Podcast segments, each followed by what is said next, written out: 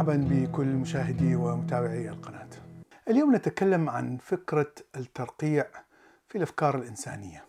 عادة عندما أرى ادعاءات بوجود إعجاز علمي في الكتب الدينية وكل الكتب الدينية ليس فقط الإبراهيمية، عادة أقول أن هذا ترقيع من المفسر لهذه الكتب. وكلمة ترقيع أصبحت منتشرة بشكل كبير في خاصة في مواقع التواصل الاجتماعي. لكن فكرة الترقيع أو ترقيع فكرة معينة على فكرة معينة هو شيء ليس فقط محدود بالإعجاز العلمي في الكتب الدينية. في البداية خلي نعرف ما هو الترقيع. عندما يكون لديك نظرية أو منظومة فكرية معينة مقتنع بها ومن ثم تأتي معلومات جديدة أو معرفة جديدة إما تناقض هذه المعرفة أو لا تتناسب مع أفكار هذه النظرية فإذا حاولت تغيير هذه النظرية حتى تتماشى مع المعطيات أو المعرفة الجديدة فإن هذا هو الترقيع.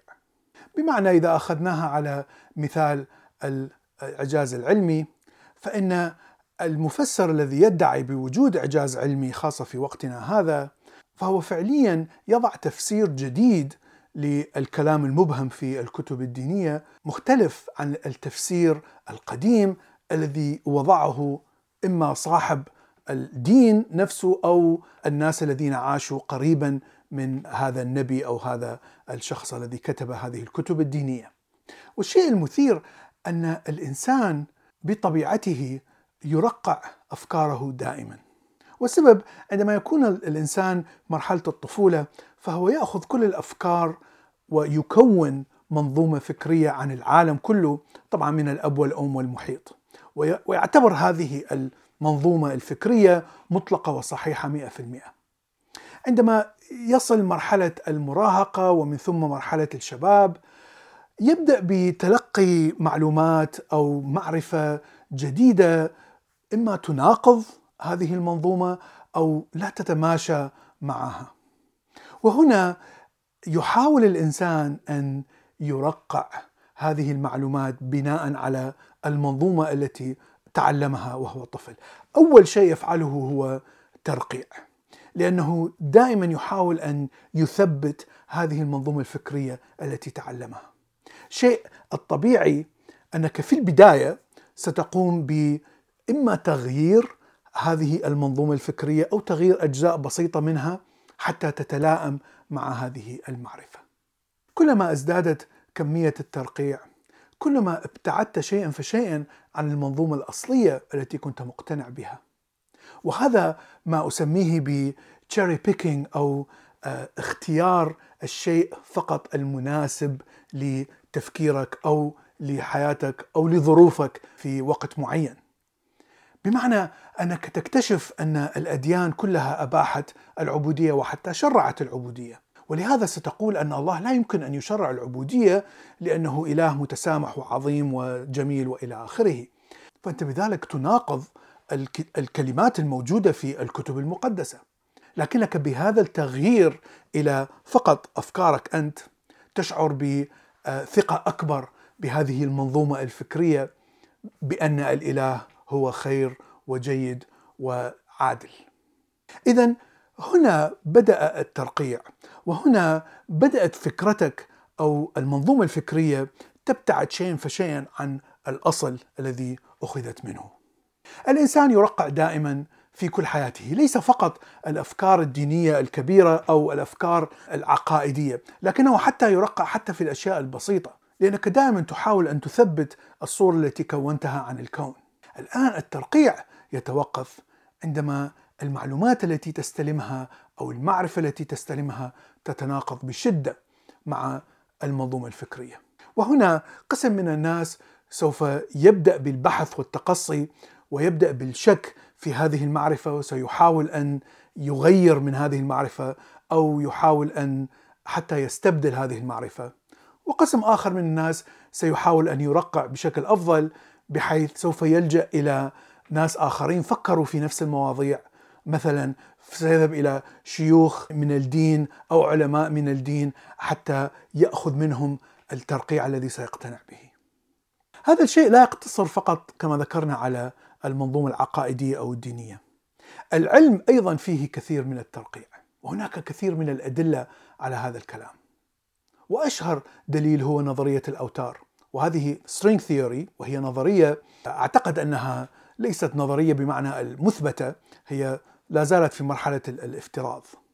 وهذه نظرية نشأت في السبعينات والثمانينات وحاولت أن تبني مفهوم رياضي للقوانين الفيزيائية في الكون بعيدا عن أو من جانب مختلف تماما آه، عن ما هو الموجود آه، النظريه النسبية لأينشتاين ونظرية الكم والتي تفسر الكون تقريبا العالم الصغير والعالم الكبير.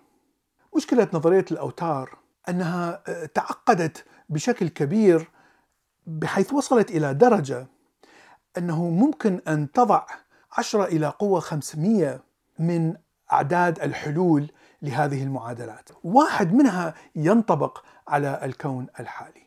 وهذه مشكلة كبيرة لأنه لم يتوصل أحد لمعرفة بالضبط ما هو هذا الحل الذي فقط الحل الوحيد الذي يطابق آه، الكون الذي نعيش فيه.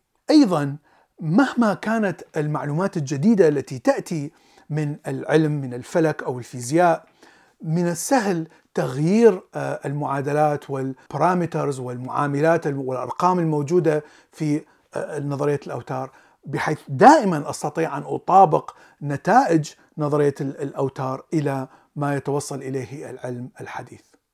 يعني شيء مشابه كثير للإعجاز العلمي الموجود في الأديان، أي شيء جديد يخرج في العلم من السهل تطويع هذا الشيء الجديد على الكلام المبهم في الكتب الدينية، وكثير من العلماء التي تحدثوا عن هذا الموضوع آه، قالوا أن نظرية الأوتار آه، وصلت إلى طريق مسدود. لأننا لا نستطيع أن نعرف ما هو الموديل الوحيد الذي ينطبق على الكون حتى نستطيع أن نضع تنبؤات في الكون وهذه التنبؤات من الممكن إرصادها أو ممكن فحصها في التجارب. وهناك شيء آخر لاحظته في العلم أن هناك درجات معينة للترقيع. بمعنى أنك إذا بدأت بنظرية معينة وهذه النظرية فسرت نسبة جيدة 50 60% من المعطيات أو نتائج التجارب. فمن الممكن أننا نحصل على نتائج جديدة ونغير في هذه النظرية أو نعدل هذه النظرية حتى تطابق هذه النتائج. لكن هذا التعديل يجب أن يكون تعديل بسيط جدا وليس تعديل جذري بحيث يناقض ما كان موجود. وهذا ما نراه في standard model الموديل النموذجي الذي يفسر الجسيمات الأساسية للكون.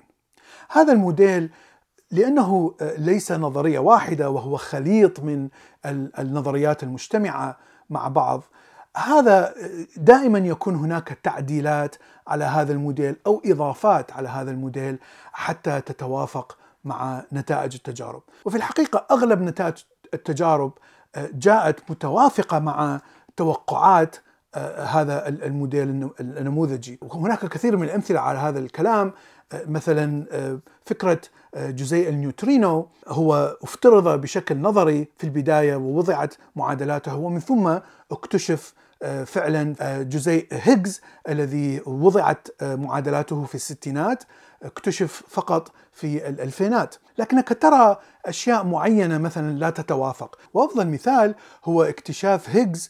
كان التوقع حسب الموديل الرياضي أن يكون الماس أو كتلة جزيء هيجز أعلى بكثير مما فعليا اكتشف في التجربة. والاكتشاف حصل في مفاعلين وليس مفاعل واحد والاثنين اتفقوا على هذه الكتلة الصغيرة. وهنا حاول بعض الباحثين أن يرقع آه، أنه لماذا لم نكتشف آه، كتلة عالية لجزيء هيجز بحيث يحاول تعديل المعادلات حتى تتوافق مع آه، الأرقام الموجودة في التجارب. هذا قد يكون ترقيع، لكن أعتقد أن الأفضل أن يستمر البحث ولا نتوقف فقط بعد أن نقول أن المعادلات يجب أن نغيرها أو نغيرها بشكل بسيط، فأعتقد أن هذا الترقيع ولو جزئي آه، لكنه يبقى ترقيع. في النهاية كما ذكرت الترقيع شيء تلقائي يحدث عند تفكير الإنسان ومن الصعب أن نمنع تفكيرنا من أن يرقع المعلومات على المنظومة الداخلية. لهذا يجب أن نكون دائما على وعي بهذا الشيء. لأنه لا يوجد منظومة فكرية مطلقة، لا يوجد منظومة فكرية صحيحة 100%.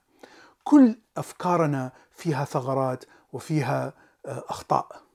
ولهذا عندما تأخذ معلومة جديدة فحاول دائما أن تصلح هذه الأخطاء أو حتى تحاول أن تتعلم أي منظومات أخرى التي تفسر العالم أو تفسر هذه المعطيات بشكل أفضل من المعلومة التي عندك. وأعتقد أن هذه هي الطريقة الصحيحة حتى نتوصل إلى منظومة أقرب ما تكون إلى الواقع. هذا ما أردت أن أقوله اليوم، شكرا لكم وإلى اللقاء في حلقة